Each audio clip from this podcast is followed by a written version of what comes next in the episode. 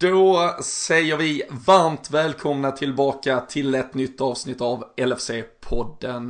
Det är eh, söndag, tidig morgon. Vi har hunnit återsamla lite energi efter eh, den förlösande kvällen i fredags på St. Mary's där Liverpool tog en otroligt viktig seger i eh, jakten på den där 19 engelska ligatiteln och Eh, undertecknad var själv på plats i Malmö där vi hade stor kväll syd på O'Learys, eh, en rejäl uppslutning med likasinnade och eh, jag ska alldeles strax även få varmt och härligt sällskap av Fredrik Eidefors som befann sig i Göteborg på en liknande tillställning. Så vi insåg väl kanske att vi behövde lördagen till att kurera oss lite. Men nu är vi uppe på hästen igen och redo att sätta tänder i det som var och eh, blicka fram mot det som kommer. Och eh, vi gör såklart det här i vanlig ordning tillsammans med LFC.nu. Det är ju utöver en eh, väldigt bra samlingssida för att få koll och ordning på nyheter och annat som sker kring Liverpool också. En jättebra plattform att hålla koll på när det gäller just så här träffar och annat som arrangeras landet över. Då eh, kan man eh, sortera ut på sin stad och se vad som händer där och eh, hänga med. Jag kan ju tänka mig att nu när våren kommer, uteserveringarna öppnar och Liverpool på allvar är med i den här titelstriden så finns det nog anledning att samla styrkor på både den ena och andra orten i Sverige. Så eh, in på LFC.nu och bli medlemmar där också. Stöd supporterklubben, det gynnar oss alla i slutändan. Men eh, nu så eh, gör vi oss redo för ett fullmatat avsnitt av det som var nere på sydkusten i fredags, det som komma skall med såklart hela temperaturmätningen i Premier League-tabellen och så Porto i Champions League på tisdag och eh, jag gör det tillsammans med Fredrik Eidefors och eh, ni är varmt välkomna till eh, ännu ett avsnitt av LFC-podden.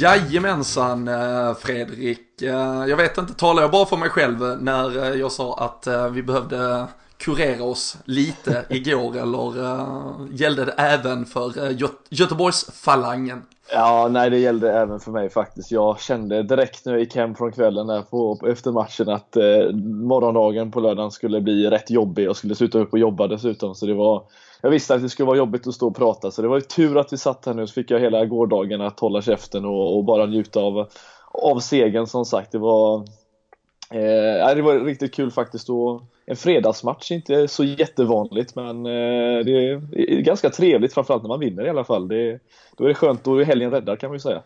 Ja men verkligen, nu är det ju visserligen inte så jättemycket Premier League-fotboll, det, det återkommer ju, men, men just det där, det har vi pratat om förr, det är ju ofta kanske att man har den här lördag tidigt nu, att till och med redan fredag kväll liksom bara sätta standarden för att vi är klara med vårt i helgen, nu är det upp till alla er andra om ni vill liksom hänga med i tåget. Så nej, det var ju såklart eh, ur eh, den eh, synpunkten sen också, eh, som sagt, vi hade träffar i både Malmö och Göteborg. Jag vet att Krille hade samlat ett gäng i Norrköping också, så det var ju verkligen full fart. Här nere sken solen, det var många nog som gick direkt från jobbet, möttes upp med vänner och tog ett par öl där på eftermiddagen och sen så byggdes ju bara stämningen upp. Vi var ju på vårt, ska vi kalla det nästan stamställe numera. Vi har ju kört ett par riktigt stora träffar i Malmö på en uh, O'Larrys uh, som uh, vi jobbar med och du provar lite nya jaktmarker i Göteborg också. Olivedal, Tobias mm. Hyséns nya ställe. Det funkade även för fotboll och annat skoj. Ja, herregud. Nej, det var riktigt trevligt och lite quiz innan som jag tyvärr inte hann, hann göra efter jobbet. Annars hade man vunnit den tävlingen. Eh, men, eh, var, var det många frågor om vilka som hade nummer fyra de senaste? Nej, inte typ den frågan. Det var lite mer vem som vad och vem hade det smeknamnet och, och lite sånt där. Men ja, det gamla goa Göteborgsgänget var ju faktiskt de som, som, som vann den här tävlingen också. Så det får man ju säga grattis till. Men nej, det var kul. Tobbe Hysén var där som sagt också och serverade bärs och han snackade och hade kul och lite intervju med Anders Svensson som var på plats i och med att det var Southampton som spelade också så det var lite intervju med de två innan det så det var, det var jättetrevligt verkligen. God mat, eh, gott snack och, och god dricka och ja, eh, det är kul att sitta och göra det här med Liverpool-supportrar liksom man, även fast man inte känner folk så känner man dem på något sätt ändå. Ja men där finns ju alltid någon form av förbrödring där liksom. Det krävs uh, ungefär ett uh, hej och en skål och ja. matchen drar igång och sen uh, så är vi, vi alla lika på alla sätt och vis. Jag såg som sagt, det var ju Putte Karlsson i spetsen, äh, legendarisk äh, supporter som jag tror de flesta har äh, sett och hört. Och sen om man vet vem man är eller inte men brukar leda Göteborgsgänget där med, med stor stolthet. Så det var väl han och hans gäng som drog hem tippvinsten såg jag eller den där quizvinsten. Så grattis till dem. Och det ska sägas The Queen är ju också liksom the place to be annars i Göteborg. Så det är kul att det sprider ut sig. Ett eh, ja. rött hav över hela Göteborg snart. Eh, kan väl i och för sig behövas ett eh, lag som ligger lite längre från staden för att skänka någon glädje. En sån här dag. Men det ska inte vi gå in på. Vi ska inte prata Nej. så himla mycket om det. Vi ska såklart prata om segern och ja, det förlösande sättet det till slut kom på. Men någorlunda kronologiskt så var väl kanske det mest vi ska kanske inte kalla det häpnadsväckande, men det var någonstans ändå som att Klopp hade bönhört väldigt stora delar av supporterskarorna som har skrikit efter ett mittfält, framförallt då med Fabinho, Gini Wijnaldum och Naby Keita. Framförallt så fick ju ja, både Klopp och kanske hela laget lite kritik över att både James Milner och Jordan Henderson inte tillsammans åtminstone ska vara på plan i en mittfältskombination med den kvaliteten vi ändå har. Nu, nu valde han lite populistiskt då det här och eh, vad fick det för effekt tyckte du? Eh, ja, alltså jag är en av de som har skrikit efter just de här tre spelarna. Eh, hade väl haft inne också om han hade varit frisk. Men av de som fanns tillgängliga i alla fall så är det de tre som jag gärna vill se. Vi har ju pratat om att statiskt mittfält, för lite kreativitet, för lite mål framförallt. Och ja, lite effekt får vi ändå säga från mittfältet den här gången. Eh, även om Henderson kom in senare då. Men Eh, det var inte riktigt det, det jag hade hoppats på riktigt. Eh, vi kan väl börja med att säga att, att all kredit till Southampton faktiskt, som trots sin ligaposition är ett av få lag som faktiskt hittat ett sätt att spela, även fast de inte vann. Eh, en första halvlek där de faktiskt eh, hittade Liverpools svagheter och faktiskt utnyttjade dem på ett väldigt väl sätt. Det, det måste man ändå kunna ge dem. Ja, det... eh, och eh, jag vet inte om du känner samma sak, men eh, Arsenal gjorde liknande, även fast de åkte på stordäng på Anfield. Men med de här wingbacksen så att säga kunde man faktiskt skada Liverpool ganska ordentligt. Eh, och jag tyckte att de gjorde det i början på ett väldigt bra sätt. Så att, det, att vi faktiskt kommer tillbaka får jag ändå säga är en, en stor bedrift. Nu vet jag att det inte faktiskt är första gången den här säsongen. Vi är väl faktiskt det laget den här säsongen som har eh, ja, tag, kommit tillbaka från underläge och ja, sparat in eller vunnit poäng. Eh, mest poäng, tror är 16 stycken 16 poäng från, ja. från underläge. Sen, sen många gånger, till exempel Arsenal, det var ju också ett underläge. Sen var det ju kvitterat redan efter nio minuter eller något. Men det är ju trots allt en, eh, en styrka att uh, den här bounce bounce back-ryggraden eh, som verkar finnas eh, i laget just nu. Ja, och det är inte riktigt det vi, det vi är vana med heller. Liksom att, att det känns som att när vi ligger under då förlorar vi en match. Det har ju alltid varit så tidigare.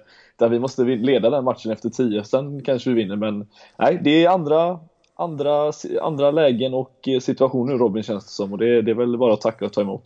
Nej men så är det och eh, för att ändå stanna fast vid det där mittfältsvalet som ändå görs. Vi hade ju på, på vår träff, uh, vi brukar alltid när direkt startelvan kommer så uh, liksom på klassiskt speaker-maner stå och skrika ut den så det får jublas lite och hejas och när, när just man liksom drog mittfältspelarna en efter en då, då blev det ju verkligen liksom ett ja, men, öronbedövande jubel i stort sett mm. i i salen och eh, det verkar ju som att ja, men det här var laget alla ville se någonstans. Ehm, och eh, som du säger så tycker jag också det är för tidigt att bedöma det. Vi har ju sett eh, dem göra matcher väldigt bra i, i den här konstellationen, även om det inte är liksom återkommande de har fått spela. Men det som du nämner där med att Southampton verkligen tar sig an den här matchen på Ja men alltså kanske sett över hela säsongen, alltså det är ju klart att man kan på Manchester City och så här att det är en helt annan typ av match vi spelar när vi möter den typen, men jag, alltså när jag minns tillbaka på den, alltså jag tycker inget lag riktigt har kommit ut så starkt mot oss de första jag 25 på i stort sett. Att Chelsea på bortaplan eh, ja. i första halvlek, där, där vi, tyckte jag att vi var riktigt jävla usla, eller Chelsea gjorde det riktigt bra. Everton får jag faktiskt säga gör en riktigt bra match på Anfield också. De eh, tryckte ner oss ganska bra. Men det, det, är inte många gånger och det är inte en hel match vi pratar. Vi pratar alltså halvlekar. Det är sammanlagt en och en halv match över 30, vad är det, 33 matcher liksom. Ja. Som vi har varit inte underlägsna, men vi har varit, inte haft kontroll kan man säga. Och det, det är häpnadsväckande på något sätt. Ja, och här var det ju framförallt dels att Southampton verkade liksom ha funnit en, en väg för att eh, hindra oss att skapa något, men också att de var väldigt trygga i att våga skapa saker själv. Um, de utnyttjar ju framförallt uh, Trent Alexander-Arnold och vår Verkligen. högerkant där uh, det blev nästan någon form av sån här flashback till uh, Manchester United-matchen där för drygt två år sedan, även om det var en helt annan typ av, av match såklart, men där man kände att här räckte han inte riktigt till och eh, skrev en krönika på LFC.nu igår där jag liksom bara nämnde det i förbifarten egentligen, för jag tycker inte det är där man ska stanna och överanalysera, men alltså i hans utvecklingskurva mot att bli kanske världens bästa högerback och han är ju redan idag en av världens absolut liksom eh, toppspelare på den positionen. Så får man nog ha med sig någonstans åldern och ja, då den brist på erfarenhet som kommer med den situationen han är att det kommer kanske hända en gång per mm. säsong och det är ju otroligt lite i sammanhanget men man kände att han kom väldigt fel in i det och ehm, att Liverpool kanske som lag heller inte riktigt hade formationen för att understödja honom när de kunde överlappa två mot en och verkligen sätta en press som gjorde att de sen, de kunde ju mata in och till slut så kommer ju ett 1-0 mål efter att de liksom kan pulsera på och liksom fortsätta trycka bollar in mot mitten och eh, det var väl någonstans till och med välförtjänt får man ju säga när de gör 1-0.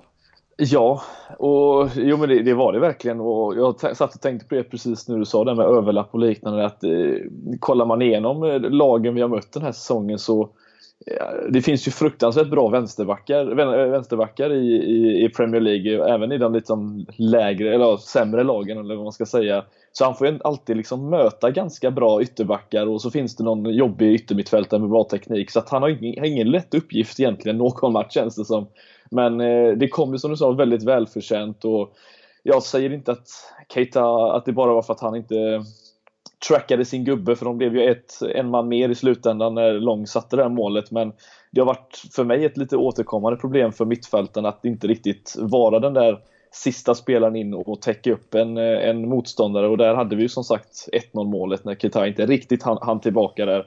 Eh, men, men väldigt välförtjänt och eh, som sagt tidigt in i matchen. Det, kändes, var jobbigt att få den alltså direkt. Southampton har inte direkt gjort jättemycket mål på, på oss de senaste matcherna. Jag tror väl att den senaste att göra mål på oss eh, eh var väl Mané faktiskt när han spelade i Southampton i ligan. Så innan dess har det faktiskt varit ganska nollat från deras håll så att det mm. var ju tre år sedan mer eller mindre nu. Så det kom som en chock och att den här jävla Shane Long också som jag hatar att möta trots att han aldrig gör mål. Men eh, det är en annan femma. Men eh, nej, det, vi tog oss i kragen på något sätt och försökte skapa lite chanser. Men jag tyckte ändå det såg lite nervöst ut, det måste jag ju säga.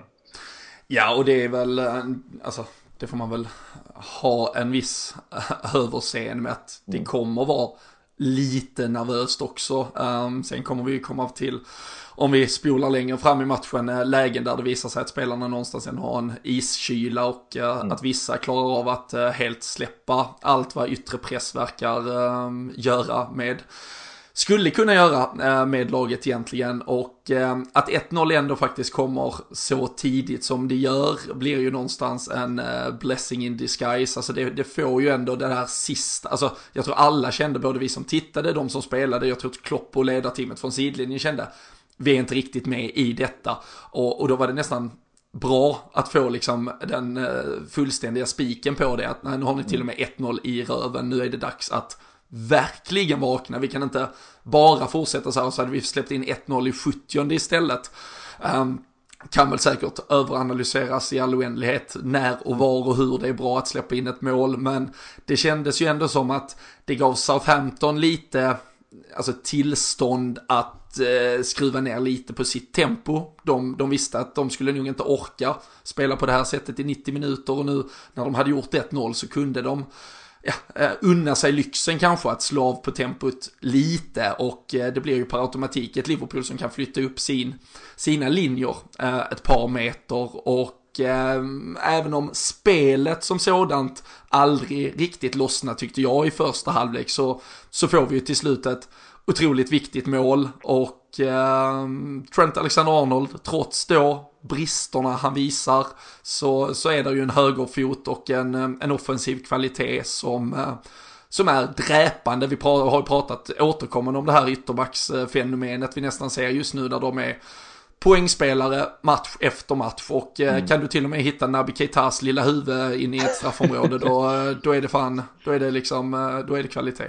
Ja, nej det var jag var ju helt säker på att det var eh, Mané som var uppe där. Han brukar ju faktiskt eh, nu på den senaste tiden har ju faktiskt varit uppe en mm. hel del eh, delaktig in i boxen och försökt nicka in och gjort några dessutom. Men det var kul att han fick göra sitt första. Han, vi kan ju säga så här Robin att han har ju haft mer än en chans, chans den här säsongen att faktiskt göra det där målet. Men kul att det kommer ett sånt viktigt läge också. Och, som du sa där, kollar man på Premier Leagues hemsida och kollar de topp 10-listan här så är det ju bara två ytterbackar med på den listan och det är Trent och Robertson som är med där och det är, och som jag och Christian pratade om förra avsnittet, det är kul att det på något sätt eh, är så tydligt att de är så delaktiga i spelet som de är. Ehm, och ja, nej, Trents högerfot, eh, han kan leverera jättekonstiga inlägg ibland men eh, när han väl får till det då, då sitter den på pannan som man säger.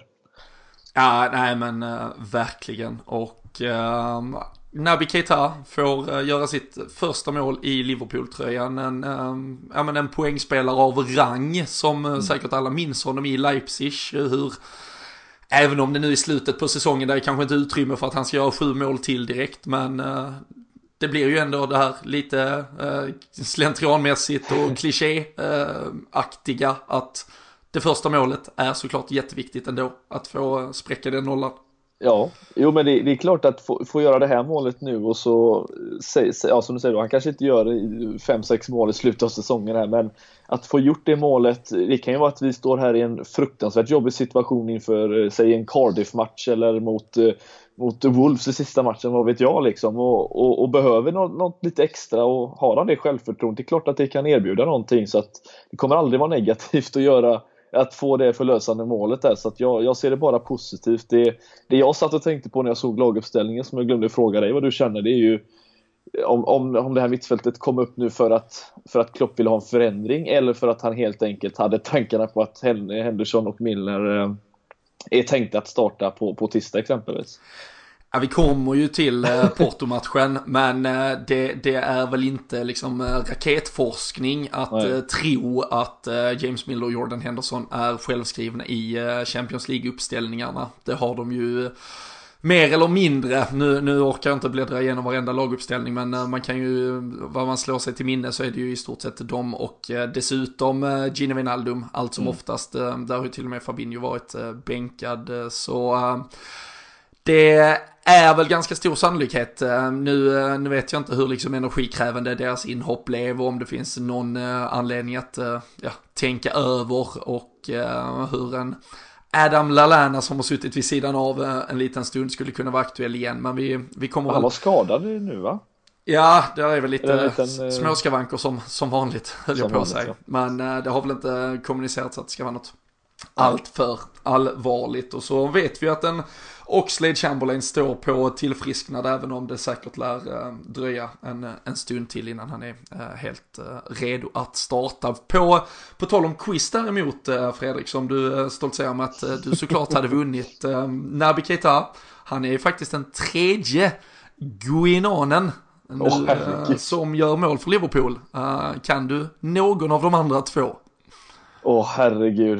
Eh, nej, det är... Eh, en, jag... Du kommer kunna en när jag bara säger, du kommer säga jaha, just fan. Jaha, ja, jag, nej jag är väldigt dålig på dem tyvärr. Titi Kamara.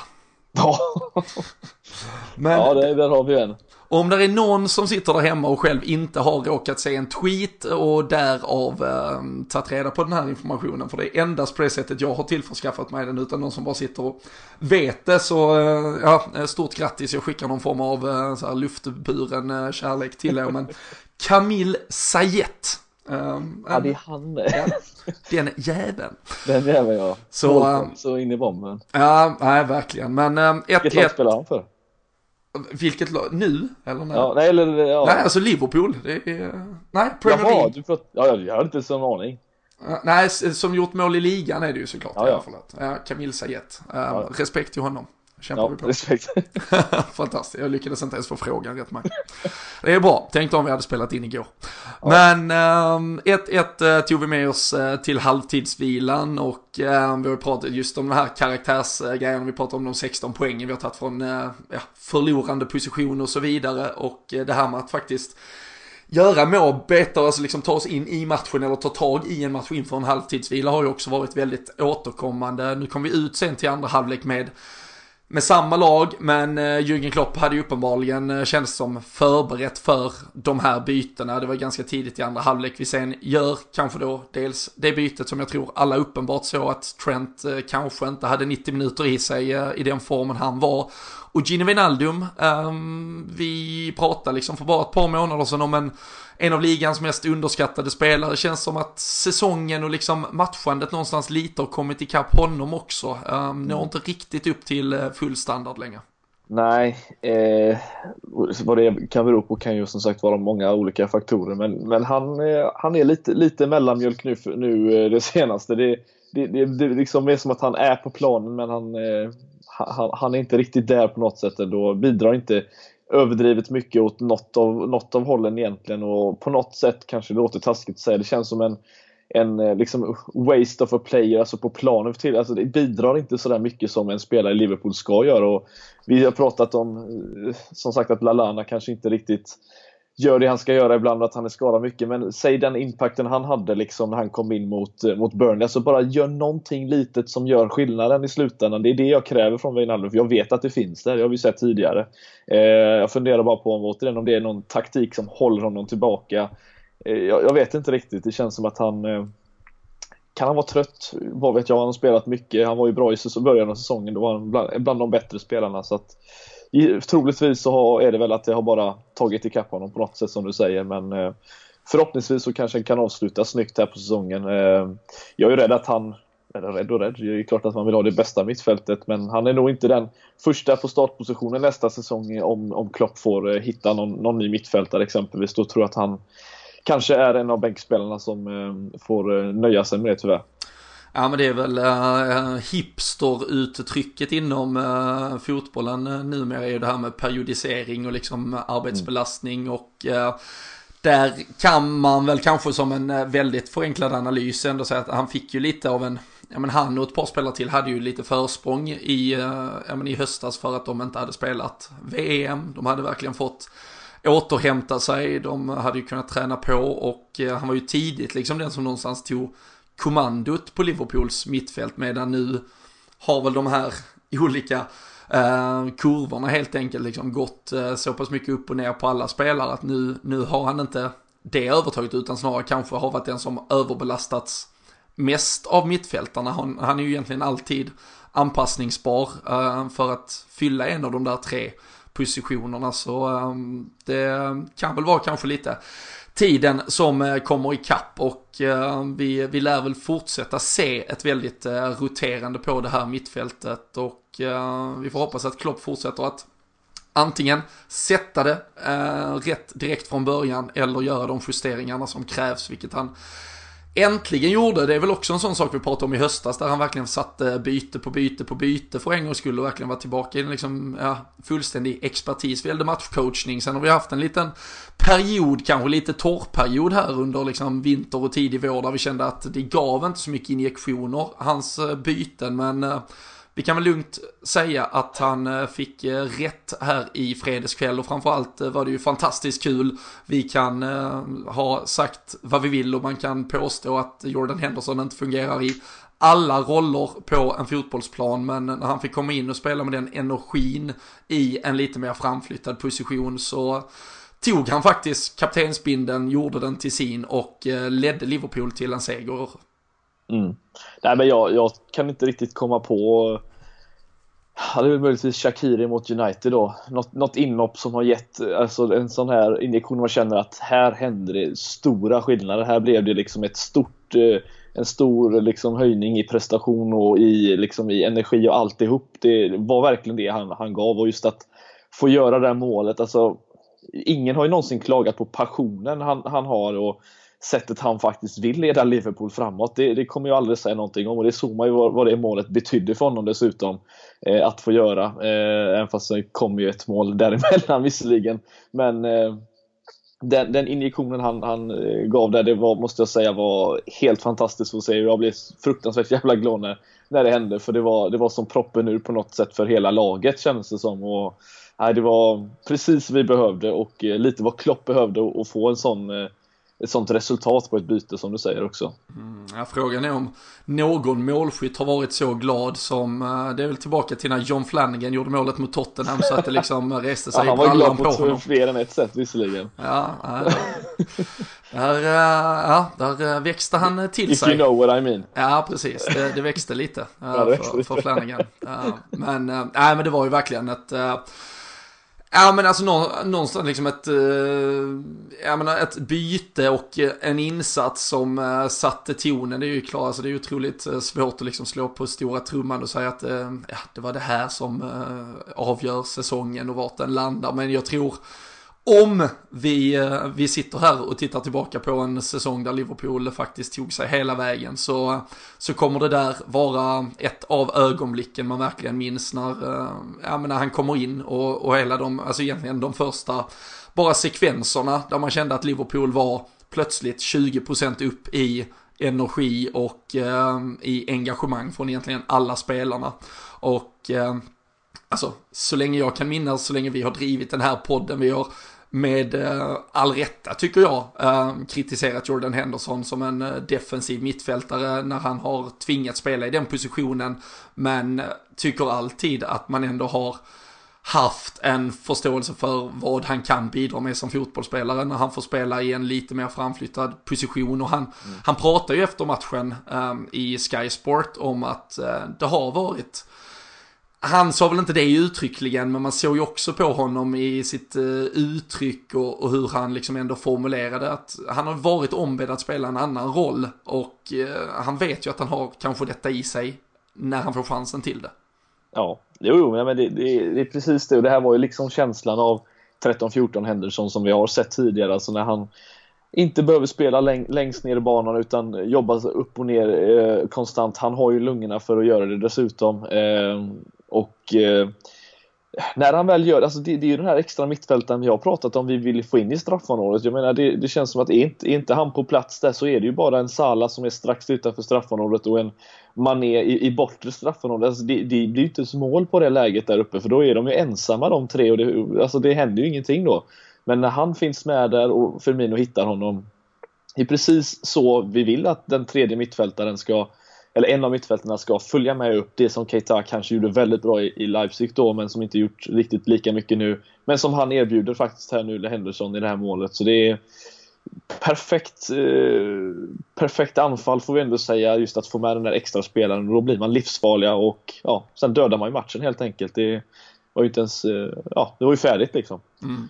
Och um, han gör ju rent poängmässigt uh, till och med faktiskt 1 uh, plus 1. Det är ju mm. hans uh, nick efter vi måste berömma Sadio Manés eh, ja, brytning viktigt. och liksom med eh, livet som insats eh, slänger han sig fram där för att få behålla bollen utanför liksom eh, defensivt straffområde och försöka få iväg eh, Liverpool i en attack. Och eh, sen är det ju Henderson som verkligen sätter av en jävla hästnick där så att Salah kan börja dra igång trumpinnarna. Det är ju från liksom eget, egen planhalva som han sätter fart mot mål och med åtta mållösa matcher, även om jag är en av de där som typ tycker att han gjorde målet mot Tottenham, så ehm, Ja, hur såg det ut eh, på eh, restaurangen i Göteborg Fredrik? Stod alla och skrek att han skulle passa eller vad var känslan?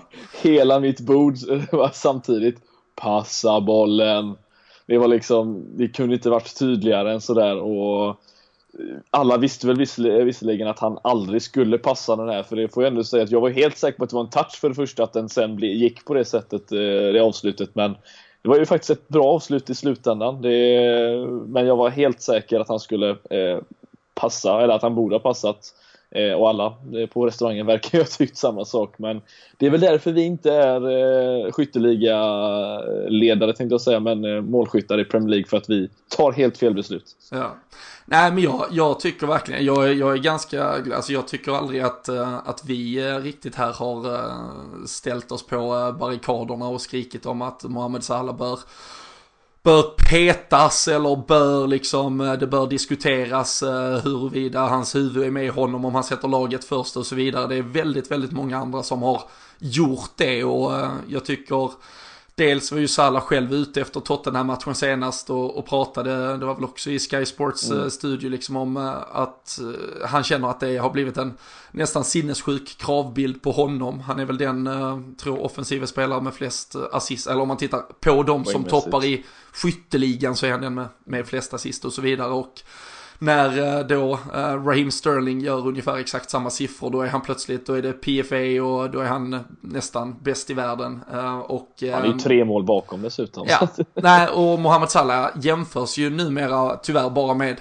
Mohamed Salah för exakt ett år sedan, där han gjorde liksom två mål per match. Och det är ju klart att det är en målbild om någon att, att ha, men eh, man måste ju komma ihåg vilka sinnessjuka siffror det är han har. Och eh, det är klart att det har varit frustrerande att se, men samtidigt så är man ju så jävla glad att han någonstans har valt att fokusera på rätt saker. Han vet innerst inne att han har målen i sig och eh, han hade kunnat egentligen tagit full ansvarsfrihet. Han hade ju kunnat egentligen plisa fansen om han bara hade passat den bollen, även om han hade satt en lite sämre pass, det hade kanske runnit ut i sanden, vem vet vad fan som hade hänt. Men då hade han någonstans varit fri från kritik. När han tar det skottet så vet han, även om det liksom inte hinner gå tankemässigt igenom honom, men samtidigt är han ju fri från halva plan. Det är klart han vet vad det är han har på sina axlar när han springer mot mål i det läget.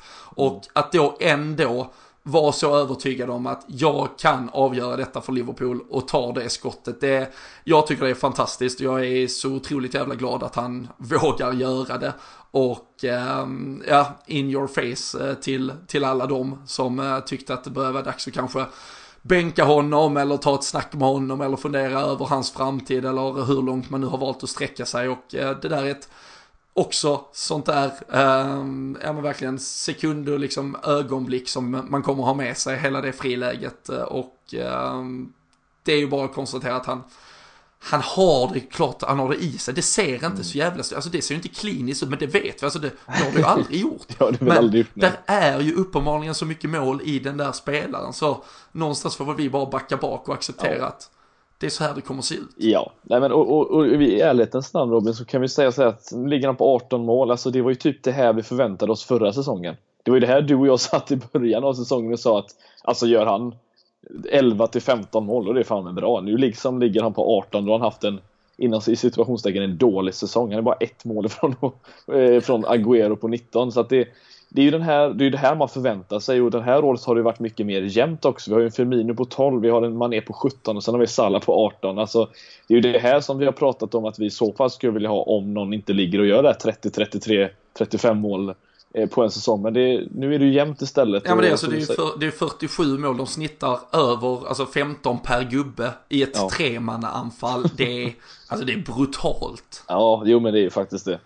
Och på, och på tal om islossning för Keita och vad det kan göra så är frågan inte om det här alltså. Det här är ju liksom upp, öppnar ju upp för att en, en Sala kanske ska helt och hållet eh, gå lös nu i både eh, Champions League och Premier League. Det vet man ju liksom inte. Men det är ju precis det här han behövde. Men att ta sig tröjan gör han ju aldrig så länge han inte skjuter Egypten till VM liksom. Det är ju ja, det säger en hel del om vad detta bety betyder för honom eh, och, och, för oss. ja, men det var, det var ju verkligen tre mål och eh, tre målskyttar som, eh, så, som på något sätt som man kan ja. rangordna hur mycket ett mål nu kan betyda för spelare både individuellt och laget eh, i övrigt så, så kunde man väl kanske inte plocka ut tre liksom Uh, mer uh, ja, fördelaktiga målskyttar på ja, det precis. sättet. Och uh, Jämför vi där med Keita där det kanske då per automatik inte innebär fem mål till så som du säger, alltså det, det kan mycket väl betyda. Mohamed Salah tre mot Porto på tisdag. Um, där han liksom någonstans finner tillbaka till ett lugn och där han, ja, bara av vetskapen att slippa rubriker, kolumner, krönikor i tre dagar där folk tycker och tänker varför han gör si eller så um, och uh, låter han fokusera på att spela fotboll så så tror jag mycket väl att eh, han kan ha en, eh, ja men säkert en handfull mål i sig på de här avslutande. Det är fem Premier League-matcher, det är minst två Champions League-matcher. Så eh, det kan nog bli en ganska trevlig egyptisk mm. vår, helt enkelt. ja, jo men det, det tror jag sannolikt att det kan, kan bli och som sagt när, när Salah är i, i form och mår bra, då, då, ser det ut som att allting flyter på bättre i anfallen också. Det blir roligare upp, uppspel, det blir, eller vet du, link-up-spel. Det, blir, det, det händer mycket mer i, i, laget kan man säga. Det tyckte jag till exempel den här Watford-matchen eh, 5-0 var ett, ett, ett sånt exempel där han inte är målskytt, men där han faktiskt är delaktig så in i bomben i den här matchen och eh, allting kändes som att det flöt på även fast han inte gjorde målet som sagt. Och det, det är ju den Salla vi vill se. Helst såklart att han gör mål för då blir han ju, känns som att han är ännu bättre än när han bara assisterar. Men kan man få en hybrid av det då, då kan vi gå långt alltså. Det, det vet vi. Ja, vi har ju gått eh, ganska långt eh, redan. Hela har, vägen då. Ja, ja, men verkligen. Alltså, vi har alltså 82 poäng eh, på 33 matcher. Um, Leicester vann ligan för tre år sedan på 81 poäng. Ja. Säger, säger lite om vad det här kan ta en egentligen. Men nu är det dessutom 15 poäng kvar att spela om. Vi är alltså på på god väg mot eh, 97 om vi går rent och vi kommer ju sätta vårt eget Premier League-rekord eh, oavsett eh, var det här slutar känns det som och eh, det blir ändå en head-to-head match mot Manchester City. Um, hur, eh, alltså det här har ju varit följetongen nu hela tiden men hur ska man någonstans liksom förhålla sig till det här sinnessjuka som vi ser ut att eh, komma att uppleva? Det, det, finns ju någonstans kanske motivering nog för att säga att det här är de två bästa lagen som någonsin har spelat i Premier League med eventuellt fjolårets Manchester City. Vi har ett Chelsea 04-05 som går, mm. tror 95 poäng och släpper väl in 15 mål. Mm. Det var ju Mourinho i sitt esse, men eh, inte ens, alltså jag kan inte ens faktiskt påstå att ett, eh, någon Ferguson-upplaga eller ens faktiskt Arsenals Invincible på det här sättet i ja, men hur man vinner matcher är i närheten.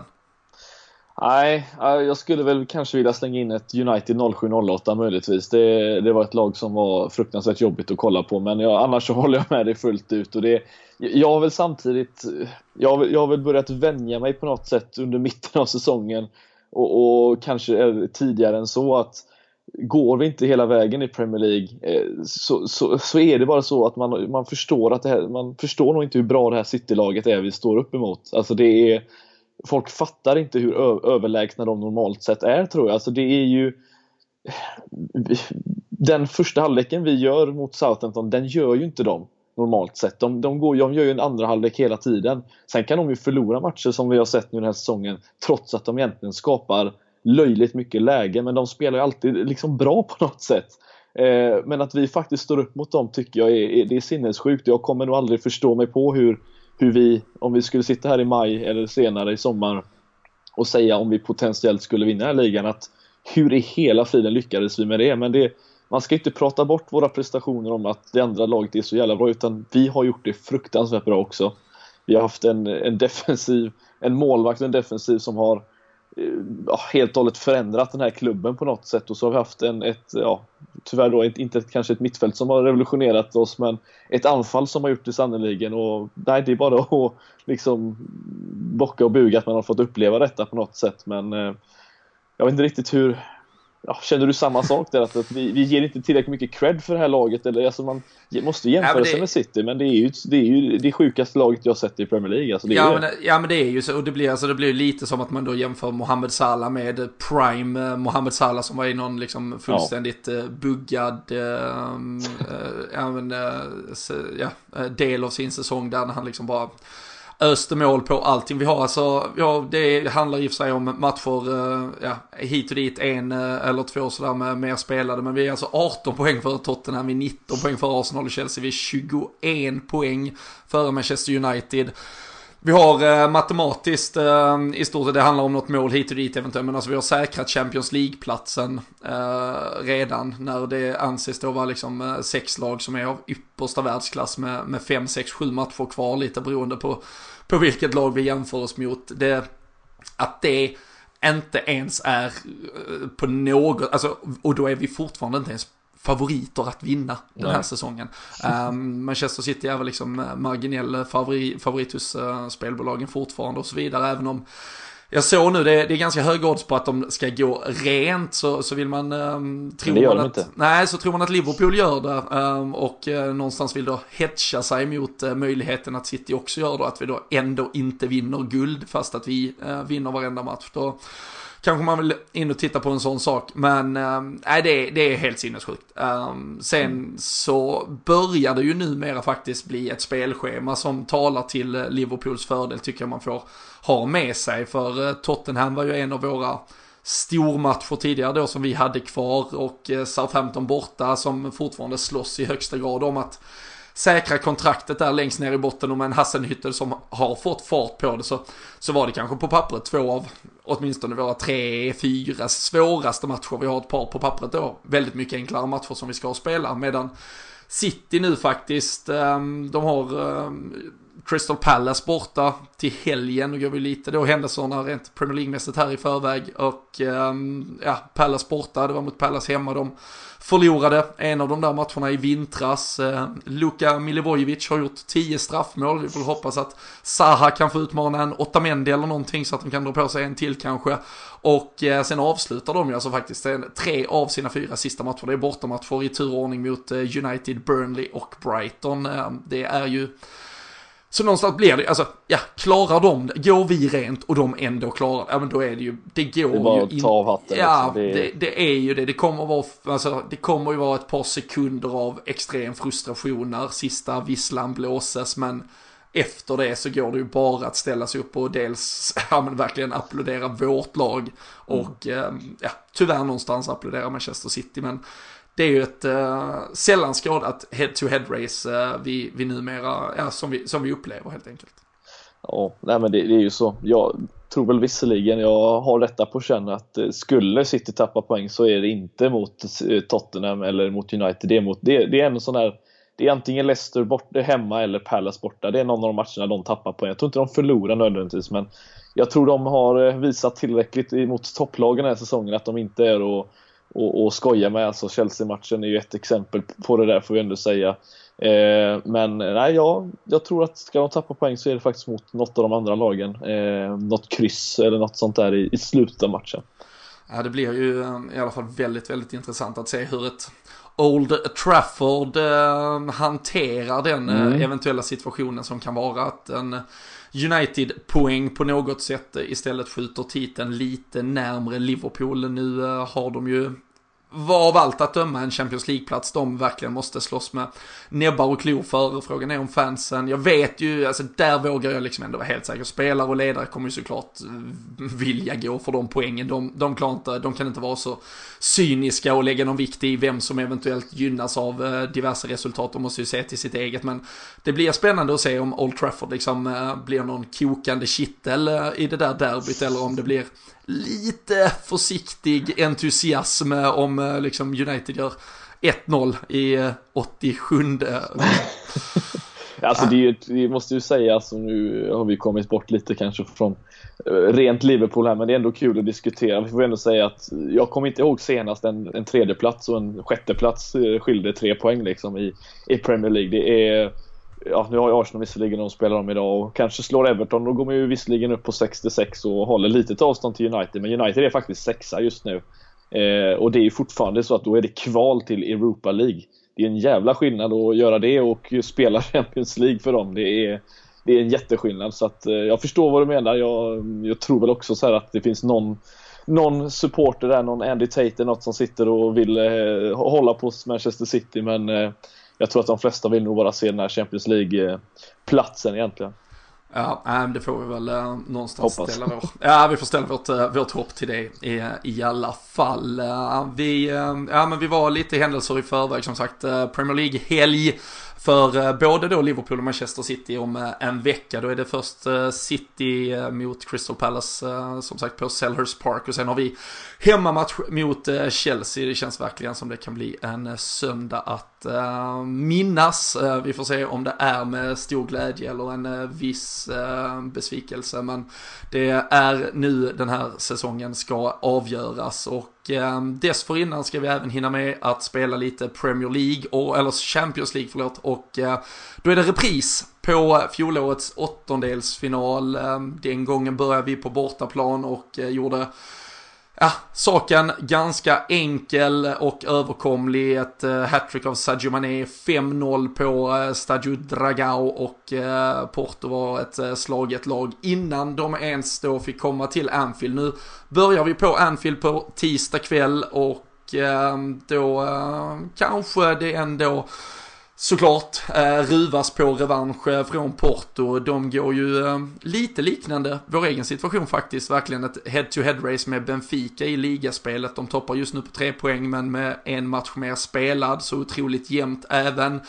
Ute där på Atlantkusten, eh, men eh, vad är det för lag Liverpool går upp mot eh, på tisdag, Fredrik? Är det något att rädas eller ska vi kunna vara ganska trygga?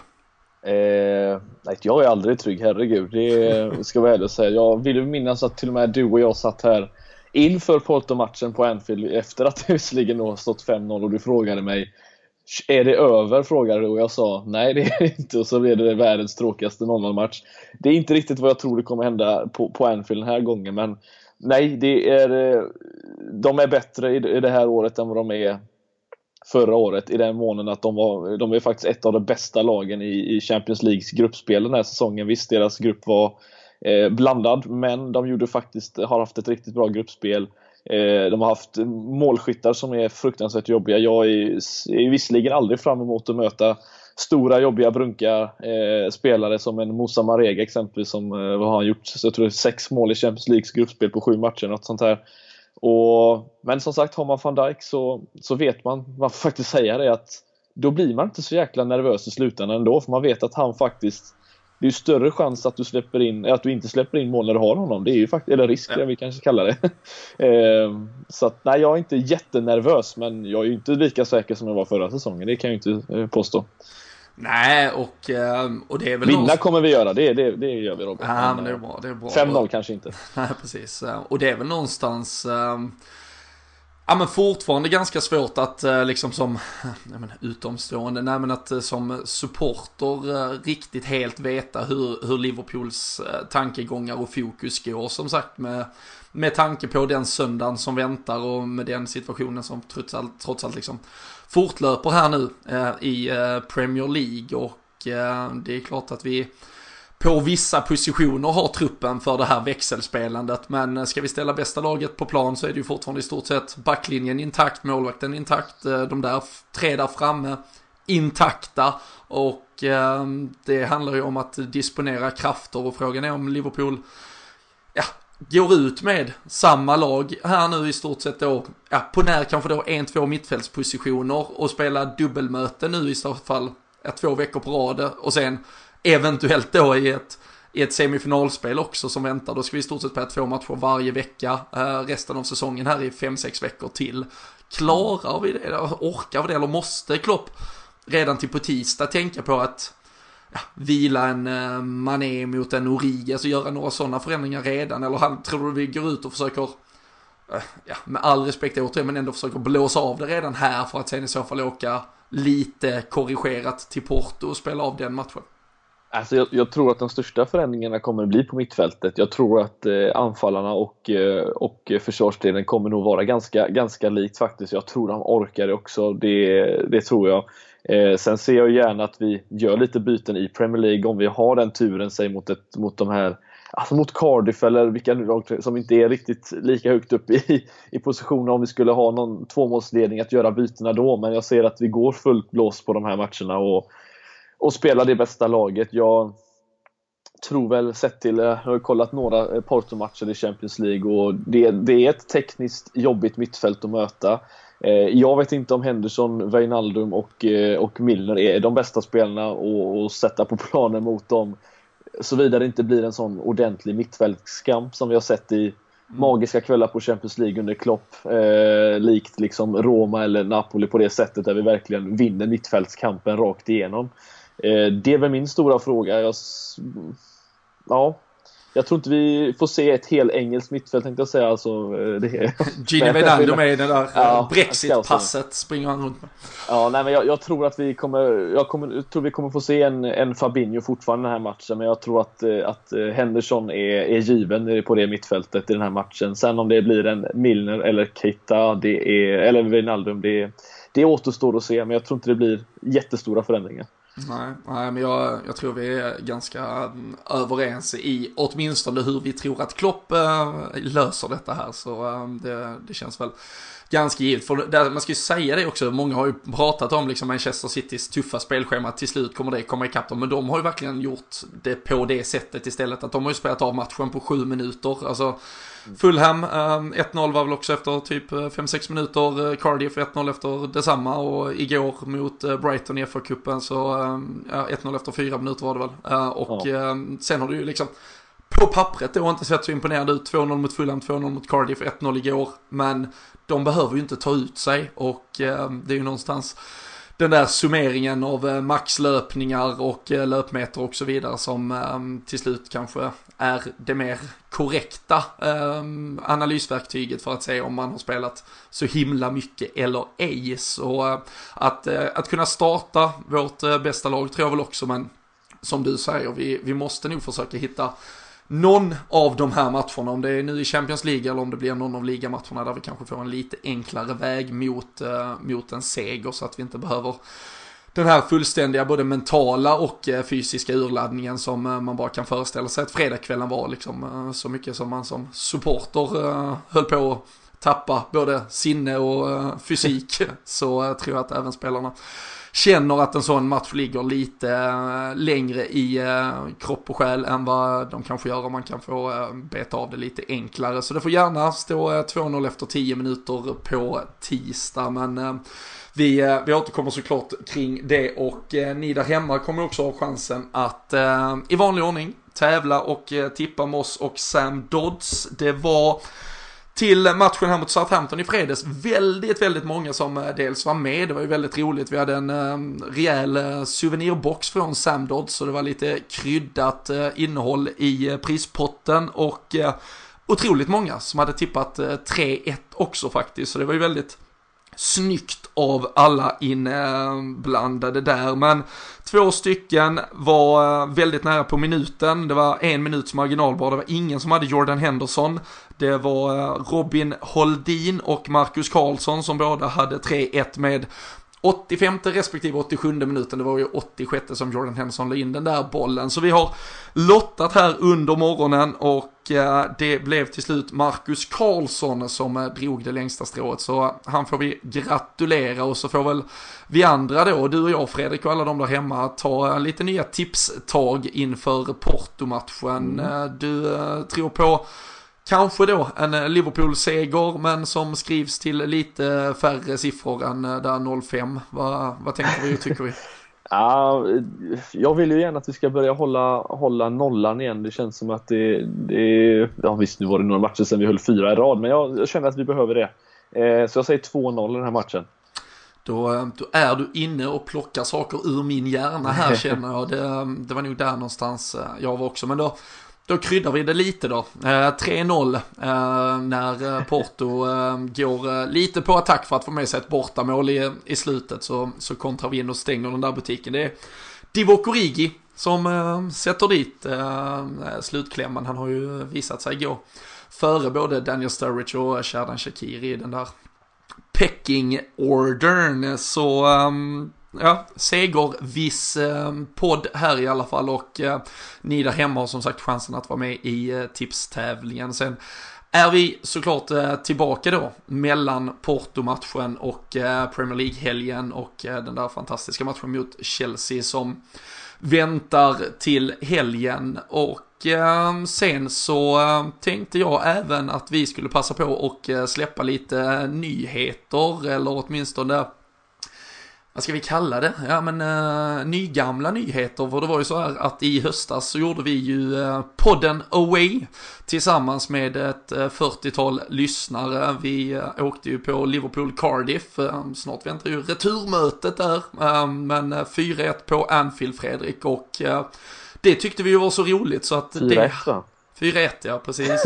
um, det hade väl varit ganska trevligt att kunna göra det igen, eller vad känner Det hade varit jättekul. Jag, jag visste att det, att det var kul innan, eller att vi skulle få kul, men man hade ingenting att förvänta sig riktigt och det var Eh, så från de erfarenheterna vi har så kan vi bara säga att det kommer bli ännu roligare den här gången. Eh, helt säkert. Ja, från det lilla vi minns så var det ja. fantastiskt. Nej, Tala för dig själv. Ja, precis. Nej, så, så stökigt var det nog inte. Det sköter oss alltid.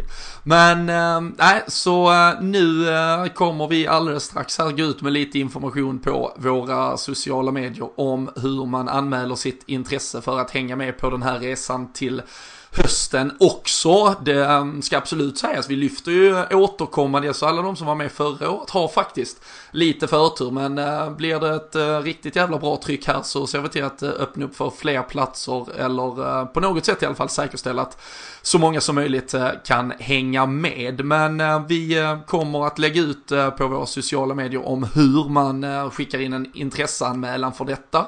Och för att kort bara liksom summera hur upplägget ser ut senast och vad vi då hoppas kunna erbjuda denna säsongen också eller till, ja, till nästa är ju då att vi sätter ihop ett paket med eh, tre hotellnätter, matchbiljett, eh, gemensamma pubträffar med lite quiz och andra roliga saker i Liverpool. Vi drar såklart matchuppvärmning gemensamt och ja, efterspel och allt möjligt. Och så går vi ut och käkar någon riktigt bra middag också. Och eh, vi siktar på att ha detta någon gång i höst. Så slutet av oktober, vi hade sista helgen i oktober senast, vi får ju såklart ta den exakta matchen och helgen ehm, i, ehm, ja, det får vi utse när vi har sett spelschemat som kommer i mitten av juni. Men vill man vara först på bollen när vi släpper de här platserna, vilket vi kommer göra där kring ja, 15 till 20 juni i så fall, så drar vi ut eh, anmälningsinformationen. Men vill man vara med så kommer man behöva skicka in en intresseanmälan innan och det drar vi ut eh, i våra sociala medier. Så håll utkik där och eh, skicka in er intresseanmälan så eh, får ni hänga med på ett jävla baluns till hösten. Helt enkelt. Ehm, ska vi fortsätta återhämta oss från fredag nu Fredrik? Och... Ja, ja, men det kan vi göra. Sen kanske, sen, sen gick det ju rykte, vi kanske ska be om ursäkt Robin, eller du får göra det. Jag hörde att du tog av dig tröjan på träffen i Malmö också. Jag vet inte om det ah. gjorde folk rädda eller inte, men... Eh... Jag, jag, tror det uppskattades. Det är lite Shakiri, det är lite fyrkantigt och sådär, men vad fan. Ja, det är ju en form det också visserligen. Så ja, det... nej, det, det, det tror jag var otroligt uppskattat av eh, alla inblandade. Men eh, nej, som sagt, eh, mycket roligt som händer, mycket roligt som komma skall och äh, sen som sagt ännu mer roligt till hösten då om man vill hänga med på podden Away. Men håll utkik där, skicka in er anmälan lite här på förhand i så fall så får ni all info first hand när det väl är dags. Nu stänger vi igen butiken för idag. Till er som eh, lyssnar här redan söndag önskar vi en eh, härlig avslutning på helgen och till andra så eh, ha en bra start på veckan och så hoppas vi på en härlig seger mot Porto och så hörs vi snart igen därefter. Ta hand om er där ute och ha det fint.